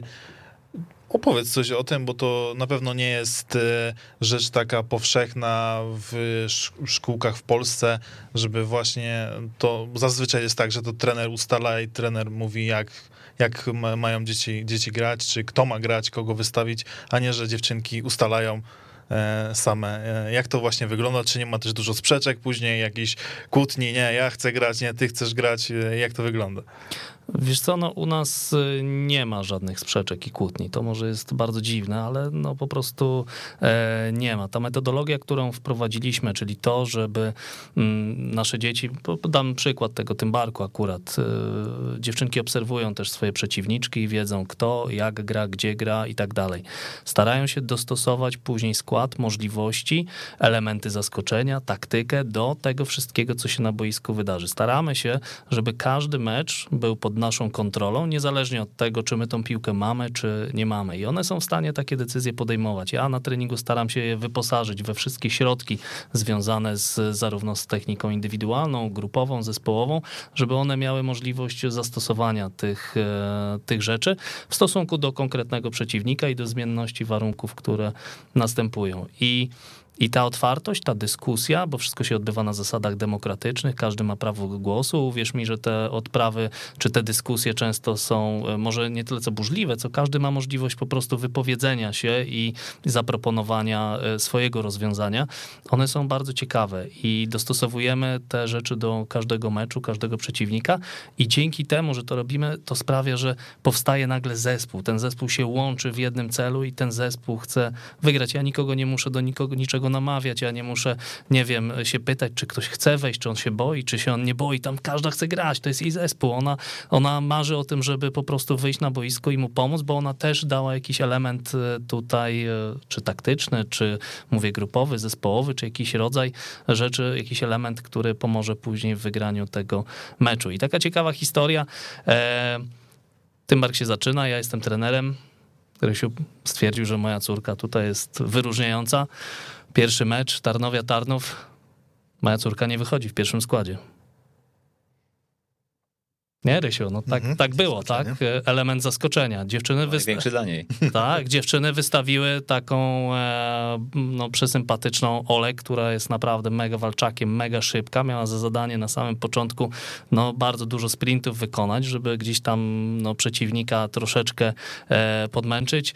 Po kilku minutach e, weszła moja córka, w pierwszym kontakcie z piłką strzeliła bramkę, po, w trzecim kontakcie z piłką wyłożyła Ninie i Nina strzeliła bramkę. Także no, gdzieś tam dziewczynki to zaplanowały i to zrealizowały. I to był ich pomysł na mecz i one się bardzo z tego cieszyły, że wymyśliły takie rozwiązanie, które naprawdę no, było absolutnie e, no, niesamowite. Natomiast ja staram się być i u nas każdy trener takim moderatorem, taką osobą, która naprowadzi je na to, żeby znalazły rozwiązanie, ale broń Boże, żeby im to rozwiązanie wskazywać. To one mają same dojść do, e, bym powiedział, do, do tego, żeby ten problem, tą sytuację, ten, tą rzecz, która jest na boisku, czy przeciwnika starać się pokonać. To one mają wymyślić to rozwiązanie. I tutaj dodam jako rodzic, e, że my na początku swojej kariery ro- rodzica, kibica e, staramy się być bardzo pomocni. Chcemy podpowiadać e, naszym dzieciom, co oczywiście zostało szybko wychwycone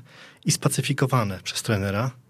Taki rodzic wyrywny, który próbuje tutaj podpowiadać, dostaje telefon z zadaniem będziesz nagrywał. I, I nie masz szans, żeby się odezwać. Także e, to, to, to leczy bardzo szybko i, i naprawdę ustawia e, te relacje mm, na boisku i te relacje rodzic, dziecko na boisku e, we właściwy sposób. Sobie oglądamy, między sobą rozmawiamy, ale nikt nie próbuje tutaj nawet podpowiadać. Tak, staramy się, żeby to dzieci podejmowały decyzje i brały za tą decyzję odpowiedzialność, a później, żeby starały się wyciągać wnioski, które sprawią, że, że y, no, nauczą się czegoś, tak? Bo ten proces y, nauki jest bardzo złożony i ta analiza jest no, niezbędna po meczu, nie? Czy, czy one coś z tego meczu wyciągną, czy nie? Czy go zrozumiały, czy nie? Dlaczego przeciwnik nas pokonał, lub dlaczego my wygrałyśmy, nie? Także no, muszą się tak naprawdę dosyć e, mocno napracować. Rysiu już zawsze się ze mnie śmieje, że te odprawy pomeczowe, nasze analizy trwają często dosyć długo, no ale staramy się, żeby dzieci po prostu zrozumiały grę, zrozumiały mecz i dopiero wtedy, jak zrozumieją, to wtedy taka odprawa jest skończona. A skąd, Michał, u ciebie takie podejście?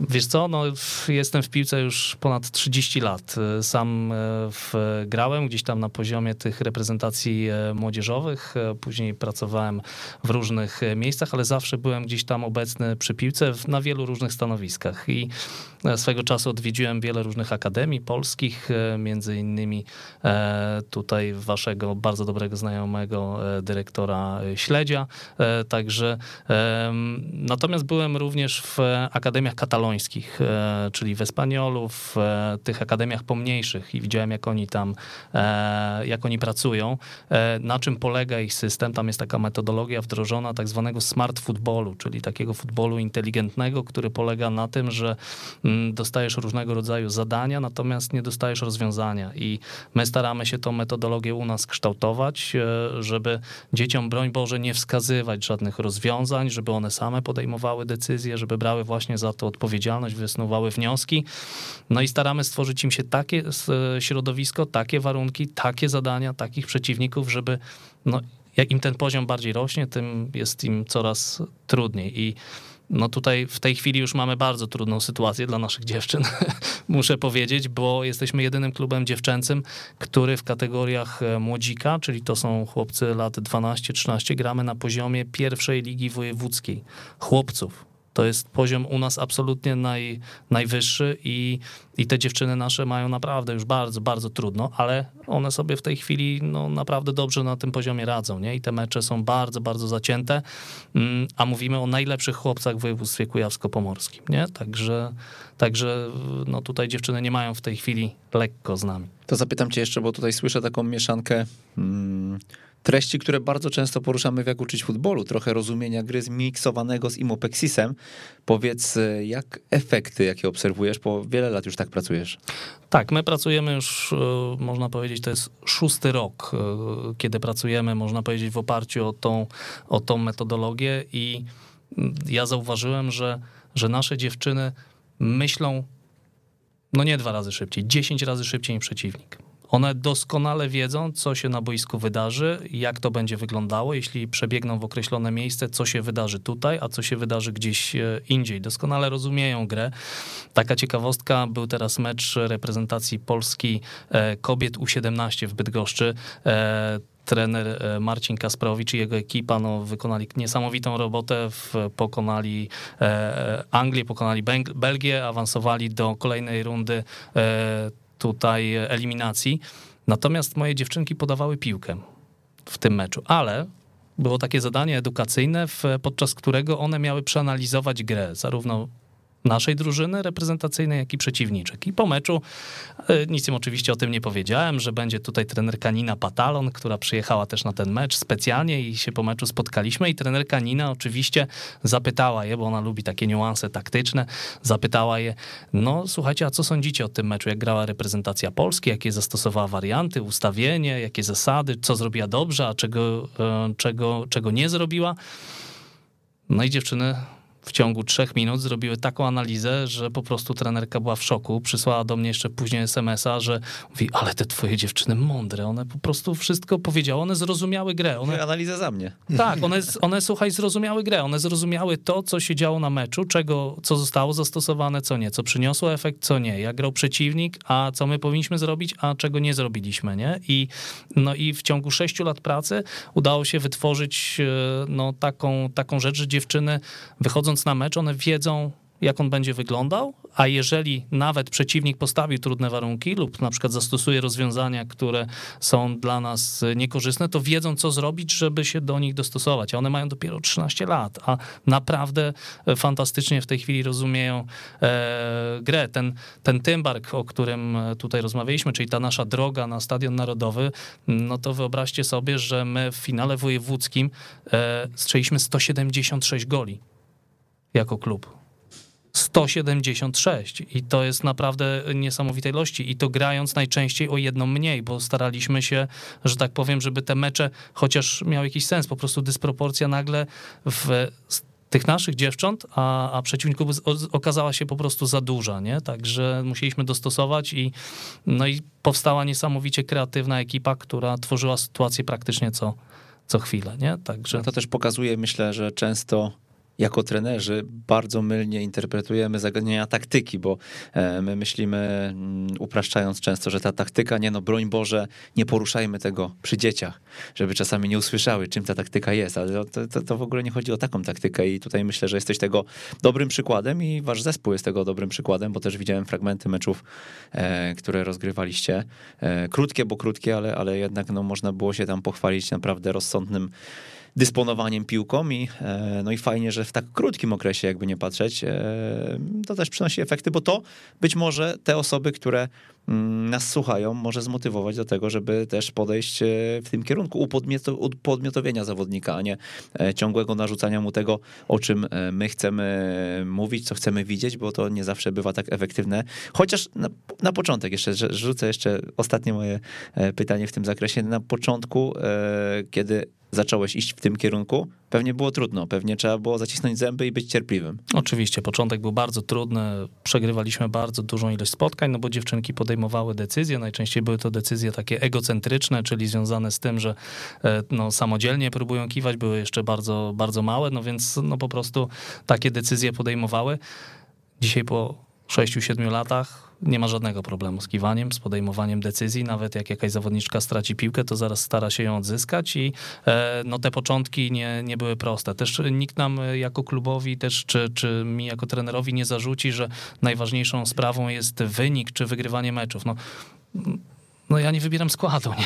No to, to, to słuchaj, no, no co, co, mogę, no słuchaj, no dzieci grają, dzieci e, tutaj się integrują, dzieci wybierają taktykę, dzieci tutaj przeprowadzają różne rzeczy, które się dzieją na boisku. Ja oczywiście staram się je wspierać, moderować, wskazuję różne ciekawostki, rozwiązania, e, no daję im narzędzia na treningu takie, które one mogą później zastosować.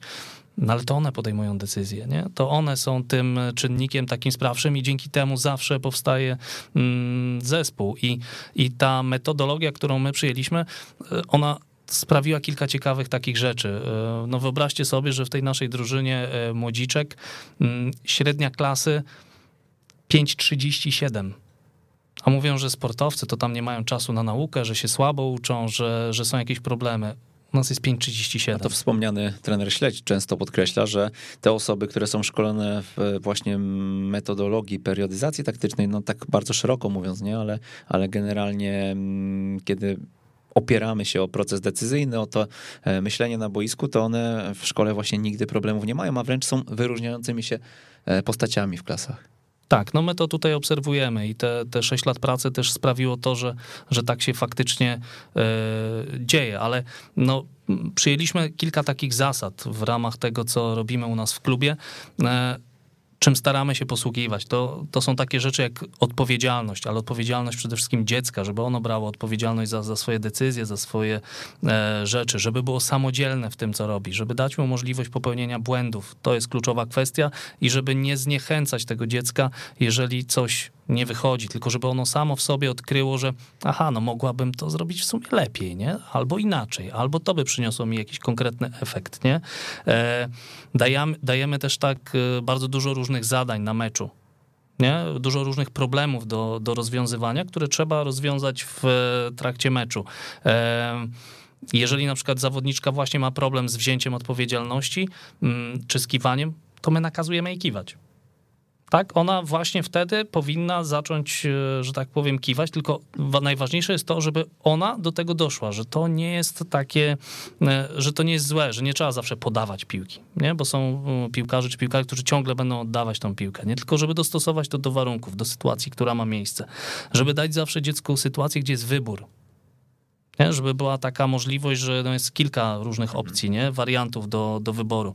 E, też ważna rzecz, żeby była zawsze, e, czy w tym treningu, czy w meczu, dostosować tak warunki, środowisko przeciwnika, żeby była intensywność, żeby ten przeciwnik no, no nie był po prostu za, dla nas ani za słaby, ani za, e, za mocny. Też, żeby była prostota, nie? takie rzeczy, które są mm, no, dosyć e, proste, nieskomplikowane, żeby tam nie było za dużo umówień, ale żeby właśnie ta intensywność w tym ćwiczeniu była, e, była duża. I, i to, to są takie no, najważniejsze rzeczy, nie? którymi się tutaj posługi, posługujemy. I może jeszcze tylko skończę myślę, że z czego wyniknęła ta bardzo szybka możliwość podejmowania decyzji bo to jest kluczowa kwestia. Na boisku mamy duży problem z podejmowaniem mm, odpowiednich decyzji. To my stworzyliśmy dziewczynom takie środowisko, gdzie kluczowym słowem jest zmienność.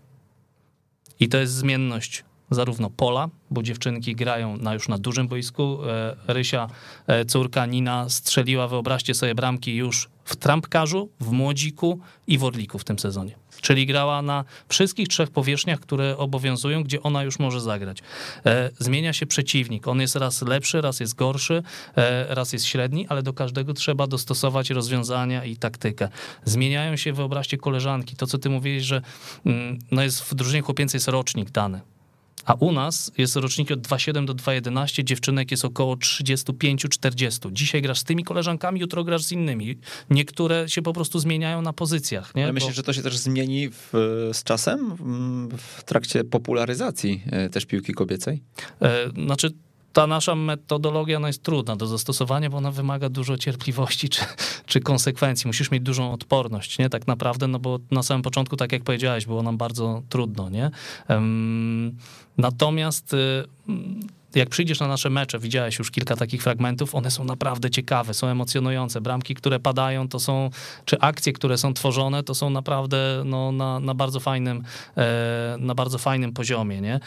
I to, co robimy, to, to jest kluczową rzeczą jest zmienność, nie? czyli zmienność przeciwnika, taktyki, mhm. zadań, roczników właśnie, że dziewczynka z rocznika 2.7 ma zagrać z dziewczynką rocznika 2.11. 40 centymetrów różnicy, grają w jednej drużynie i w tym meczu akurat to ta dziewczynka z 2.7 musi się nauczyć zarządzać, musi być e, wodzem, musi być e, szefową obrony, tak, musi się nauczyć komunikować. Trochę powrót do podwórka. Tak jest, ale w następnym meczu, na przykład ta zawodniczka z rocznika 2.11, która była w tym przypadku uczniem, tak, czy osobą taką, która, no wiadomo, gdzieś tam e, wchodzi do tego zespołu, ona przechodzi do roczników 2.11, 2.12, 2.13 i to ona staje się wtedy w pozycji nauczyciela, czyli to ona ma być tą szefową na boisku, nie? To ona ma się komunikować, to ona ma pomagać koleżankom się ustawiać i, i udało nam się zyskać takie coś, że mm, dziewczyny niezależnie w jakim środowisku nie wystąpią, czy to jest reprezentacja województwa, kraju, Jamo, Lamo i tak dalej, gdziekolwiek nie jadą, to sobie doskonale poradzą. Czy grają dzisiaj z tymi, czy grają z innymi,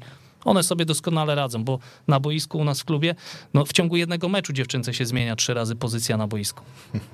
Nie? Także Nina jest najlepszym tutaj przykładem. Zaczyna jako napastniczka, przechodzi na środek pomocy, kończy mecz jako obrońca i ostatnio był taki mecz i naprawdę spisała się na wszystkich pozycjach fantastycznie, bo rozumiała grę. Tak, tu potwierdzam doskonale to samo, co, co przed chwilą, jeszcze troszeczkę wcześniej Michał wspomniał, e, to, że zawodniczka starsza jest mentorem dla tej zawodniczki zaczynającej dopiero. Też właśnie, właściwie tak naprawdę mogę to E, widzę to na przykładzie mojej córki, kiedy ona gra właśnie w młodziczkach ze starszymi koleżankami, potem przechodzi do Ligi Orliczek, czy jeszcze rok wcześniej do, do Żaka i ona tam jest liderem i ona, ona tam e, nie jest napastniczką, ona się siebie ustawia albo w środku pola, albo z tyłu w obronie, kontroluje, podpowiada, e, ty, tymi dziewczynkami tam właściwie e, no, poniekąd zarządza, ale, ale i daje wskazówki. To, to jest naprawdę fajne, ciekawe, bo widać, że rzeczywiście tam się uczą, a tutaj oddają tą wiedzę. Skoro, skoro one tak wszystko, e, wszystko rozumieją, to ja nie wiem, Ryszard, co wy analizowaliście w tym hotelu w takim razie.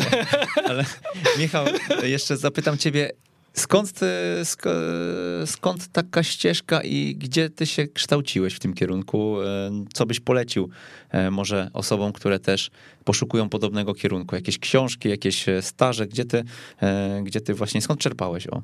Znaczy ja może powiem, że taką, oprócz tego, że uwielbiam piłkę nożną, jestem już przy niej wiele, wiele lat, to taką inspiracją dla mnie była moja córka, która zaczęła tutaj grać w piłkę właśnie w klubie Tęcza u tych fantastycznych dwóch WF-istów, Michała Raszewskiego i Mikołaja Ludki.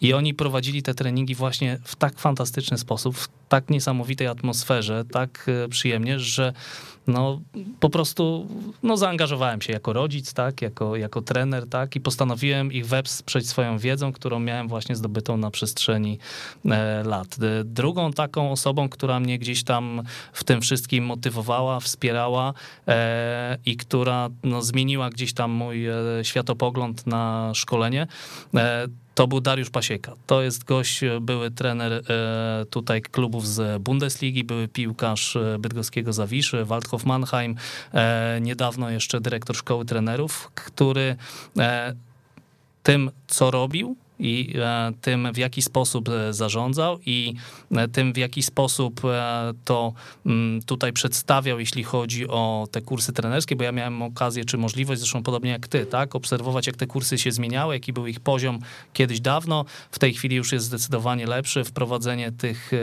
mikrogrup, gdzie się uczymy też od siebie nawzajem, gdzie jest zalążek tego, co, mm, co tutaj, że tak powiem, w, tej, w tym nowoczesnym świecie trenerskim się, się dzieje no to był taką inspiracją e, dla mnie e, jako człowiek, czy jako trener, który no, gdzieś tam no, mnie zachęcił, powiedzmy, tak, do tego wszystkiego, nie? do tej piłki nożnej, do, do treningu. E, zresztą do dzisiaj gdzieś tam mamy okazję wymienić poglądy i, i też był nawet na meczu teraz reprezentacji Polski kobiet U17 i obserwował to spotkanie, nie? Także no, fantastyczny człowiek, który gdzieś tam no, w, no, stanowi taką inspirację na pewno, nie? jeśli chodzi o, o ten świat trenerski, nie? Ja jeszcze bym wrócił do tego tematu, który poruszyłeś e, chwilę wcześniej. E, o, o, e, tak się zaśmiałeś, że jako trener właśnie nie, nie podejm- że przez to, że nie, nie, wy, nie, wybierasz tego składu, że nie masz tej odpowiedzialności, to e, właśnie się, zastan do, się zastanawiam, bo często właśnie gdzieś słyszymy takie historie no, po, po, popularne w szkółkach e, piłkarskich e, czy u, chłop, u chłopców e, najczęściej, że rodzice przychodzą właśnie z pretensjami, dlaczego mój syn nie gra tyle, czy gra mniej, czy gra więcej. Rozumiem, że takich właśnie e, historii u was nie ma, bo można powiedzieć, że masz alibi, tak? Tak, no ten, e, słuchaj, no to jest fantastyczna sprawa, no ten system, który stworzyliśmy, no jeszcze nie nigdy się nie zdarzyło, żeby jakiś rodzic przyszedł, że moja córka nie gra tak, czy nie gra. No, system polega na tym, że grają, e, to też żebyście mieli e, jasność, e, główną zasadą naszą, czy przy ustalaniu taktyki, tak, przez dzieci na mecz w tych młodszych kategoriach jest to, że wszystkie zawodniczki grają. Niezależnie od tego, czy to jest stadion narodowy, jak byliśmy na stadionie narodowym, wszystkie zawodniczki nasze zagrały. Obojętnie co by nie było, gdzie, nie, gdzie jedziemy na turniej, teraz byliśmy na turnieju w Czechach, gdzie, e, gdzie rywalizowaliśmy z mistrzyniami Czech, mistrzyniami Szwecji i tak dalej. W każdym meczu, obojętnie co się nie wydarzyło, wszystkie nasze zawodniczki grały. I przecież my jako trenerzy nie wiemy tak naprawdę, z której zawodniczki co wyrośnie. Nie? Jeżeli nie damy jej szansy na to, żeby zdobyć te doświadczenia, które są związane z tym meczem, jeżeli będziemy jej te, to ograniczać, zabraniać i tak dalej, no to, to możemy bezpowrotnie stracić tą, tą szansę. Nie? Także m, mm, nigdy nie było jeszcze historii, że, że jakiś rodzic przyszedł tutaj, że są jakieś problemy czy coś takiego. Wszystkie zawodniczki po prostu zawsze grają, wszystkie są szczęśliwe, zadowolone, wszystkie się integrują w jednym celu, tak, niezależnie od tego, mówię, mówię, czy gramy na Narodowym, czy gramy u nas na Orliku w szkole, za każdym razem wszystkie zawodniczki mają prawo wystąpić na, na boisku. Ale kontrolują ten czas też, tak z ciekawości zapytam, że, że, że żeby grały porówno, one na Wiesz co, w e, tych młodszych kategoriach to my jako trenerzy, my oczywiście pomagamy, wspieramy, zmieniamy, one nie kontrolują tego czasu, także gdzieś tam e, to jest zupełnie e, dla nich jeszcze abstrakcja, natomiast w tych nieco starszych kategoriach, już tam w kategorii właśnie tych starszych orliczek, no to one już mniej więcej się orientują, nie? Ile kto zagra i tak dalej. Jeśli chodzi już o przejście do tych starszych kategorii, czyli już te młodziczki, e, trampkarki, no to już tutaj jako trenerzy, e, ze względu na to, że to już jest większe boisko, większe możliwości, dziewczynki nie mają tego doświadczenia, to my już bardziej się staramy tutaj pomagać, tak, i gdzieś tam e, bardziej je tutaj wspieramy, jeśli chodzi o, o, o taktykę, o dobór środków, nie, bo no one tutaj jeszcze nie mają takiej, takiej wiedzy, nie, jeśli chodzi o tego typu rzeczy, nie. Tak, i faktem jest, potwierdzam, że wszystkie zawodniczki, które zostały powołane na dany mecz, e, wszystkie wchodzą na boisko. Wszystkie mniej więcej równo grają. E, I ja słyszałem jako rodzic też e, historię rodziców, chłopców z klubów, które mm, tak naprawdę mm, no, są i znane i, i mają swoje cele i celem jest zawsze zwycięstwo. Tam często bywa tak, że chłopcy powoływani, inaczej część nie jest powoływana w ogóle, część e, jest powołana, ale nawet nie ma szansy wejść na, na boisko. To myślę, że nie, tym, nie, nie w tym kierunku powinno iść szkolenie e, dzieci i młodzieży. Tak. Równe szanse dla wszystkich, tak. I, tak. i to, to rozbija. My często gramy z zespołami chłopięcymi, gdzie no po prostu ci chłopcy, którzy e, powiedzmy grają troszeczkę słabiej, no to wchodzą na ostatnią minutę, dwie, trzy i tego. U nas nie ma tego problemu, nie? Dziewczyny grają na miarę swoich sił i, i możliwości, nie? Także też staramy się ze względu na bardzo dużą liczbę spotkań, bo też żebyście wiedzieli, no te nasze dziewczyny, ta grupa około gdzieś tam 35-40 osób, ona musi gra jednocześnie w e, ligach trampkarza, trampkarek, młodzika, młodziczek, e, w różnych, na różnych poziomach, w różnych kategoriach, no i staramy się też ich nie przeciążyć, czyli nie ma czegoś takiego, że ktoś gra od deski do deski praktycznie całe mecze. Nie? Za każdym razem we wszystkich ligach, w których gramy, są zmiany lotne i dzięki temu jest możliwość e, dowolnej zmiany zawodniczek i wszystkie grają. E, wyobraźcie sobie teraz historię, gramy w trzeciej lidze trampkarza. E, tak jak mówiłem, u nas wszystkie grają, ale gra się też na czas, czyli żeby żadnej zawodniczki nie przeciążyć, ona nie może rozegrać więcej niż określoną liczbę minut, które my dla niej proponujemy. I ligę trampkarza w tej chwili graliśmy z liderem, z Gromem Więcborg.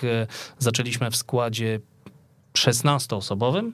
E, prowadziliśmy grę, prowadziliśmy 1-0, ale ze względu na to, że część dziewczynek już grała wcześniej w kategorii e, młodzika e, i zagrała już określoną liczbę minut, później te zawodniczki zdejmowaliśmy, przećwiczyliśmy sobie na koniec niski pressing w składzie dziewięcioosobowym. Także mecz akurat w tym przypadku przegrany, natomiast dla nas było istotne to, jak dziewczynki zareagują na mniejszą liczbę zawodników na boisku, jak zareagują na grę w nieco innych warunkach, w niskim pressingu i kiedy kiedy one muszą być w fazie obrony, bo przez większość meczu atakowały. A mhm. tutaj trzeba było, mecz się zupełnie zmienił i my jako trenerzy świadomie podejmujemy te decyzje kosztem tego, że no po prostu czasami przegrywamy, ale chcemy ich czegoś nauczyć. Nie, nie wynik jest najważniejszy. Tego się też nauczyłem e, tutaj będąc w Stęczy jako e, rodzic, jako kierownik tej, nieformalny tej drużyny.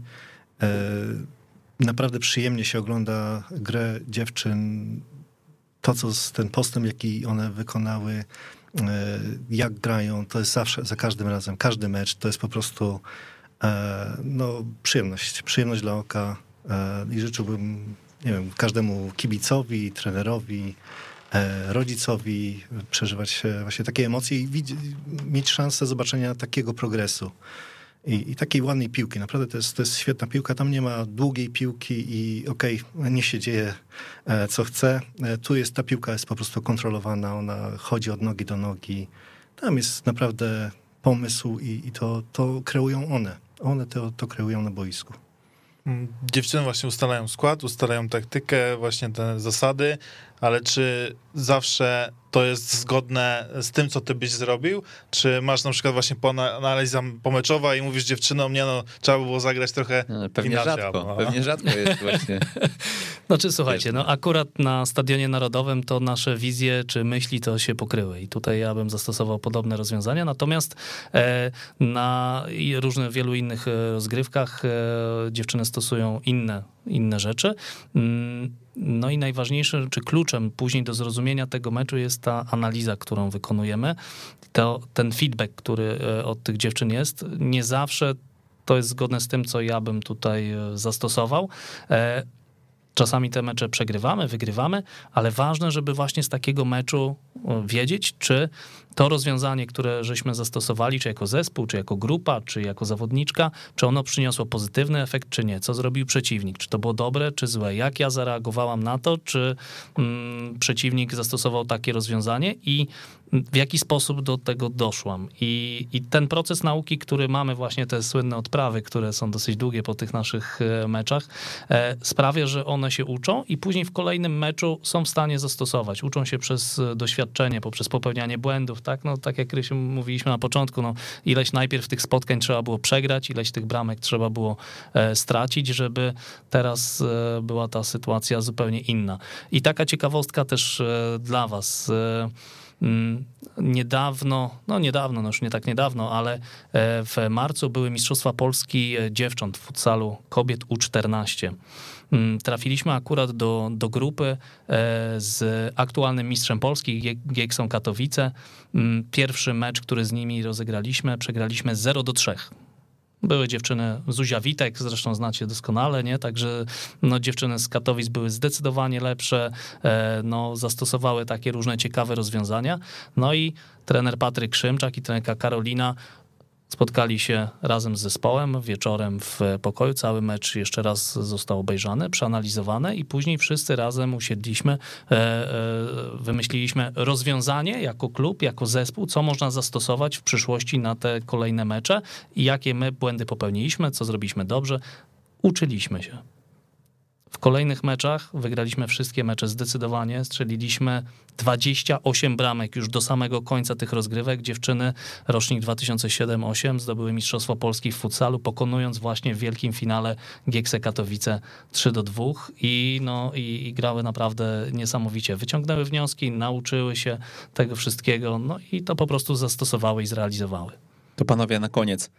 Czujecie potencjał, żeby żebyśmy się w Warszawie spotkali, ale nie w studiu radiowym e, następnym razem, a e, w maju właśnie na obiektach Agrykoli Legii, czy, czy już później na Stadionie Narodowym?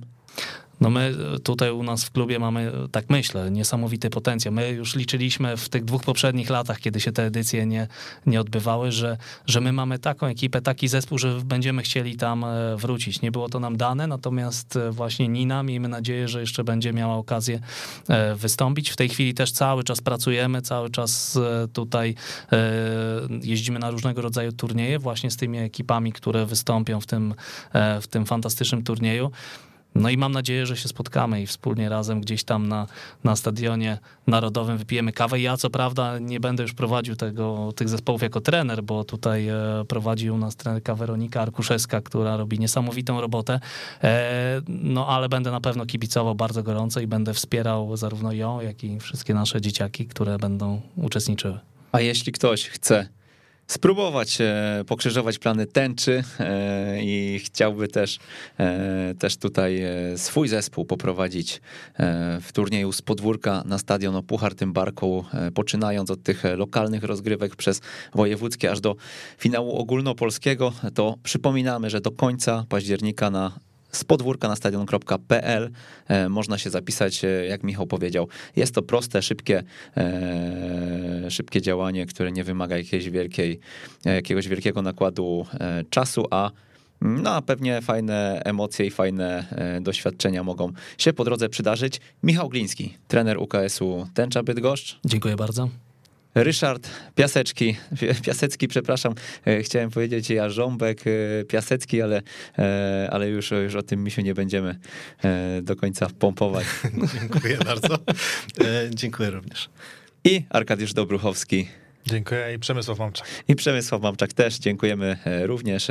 To była audycja z podwórka na stadion. Do usłyszenia niebawem. Weszło FM. Najlepsze radio sportowe.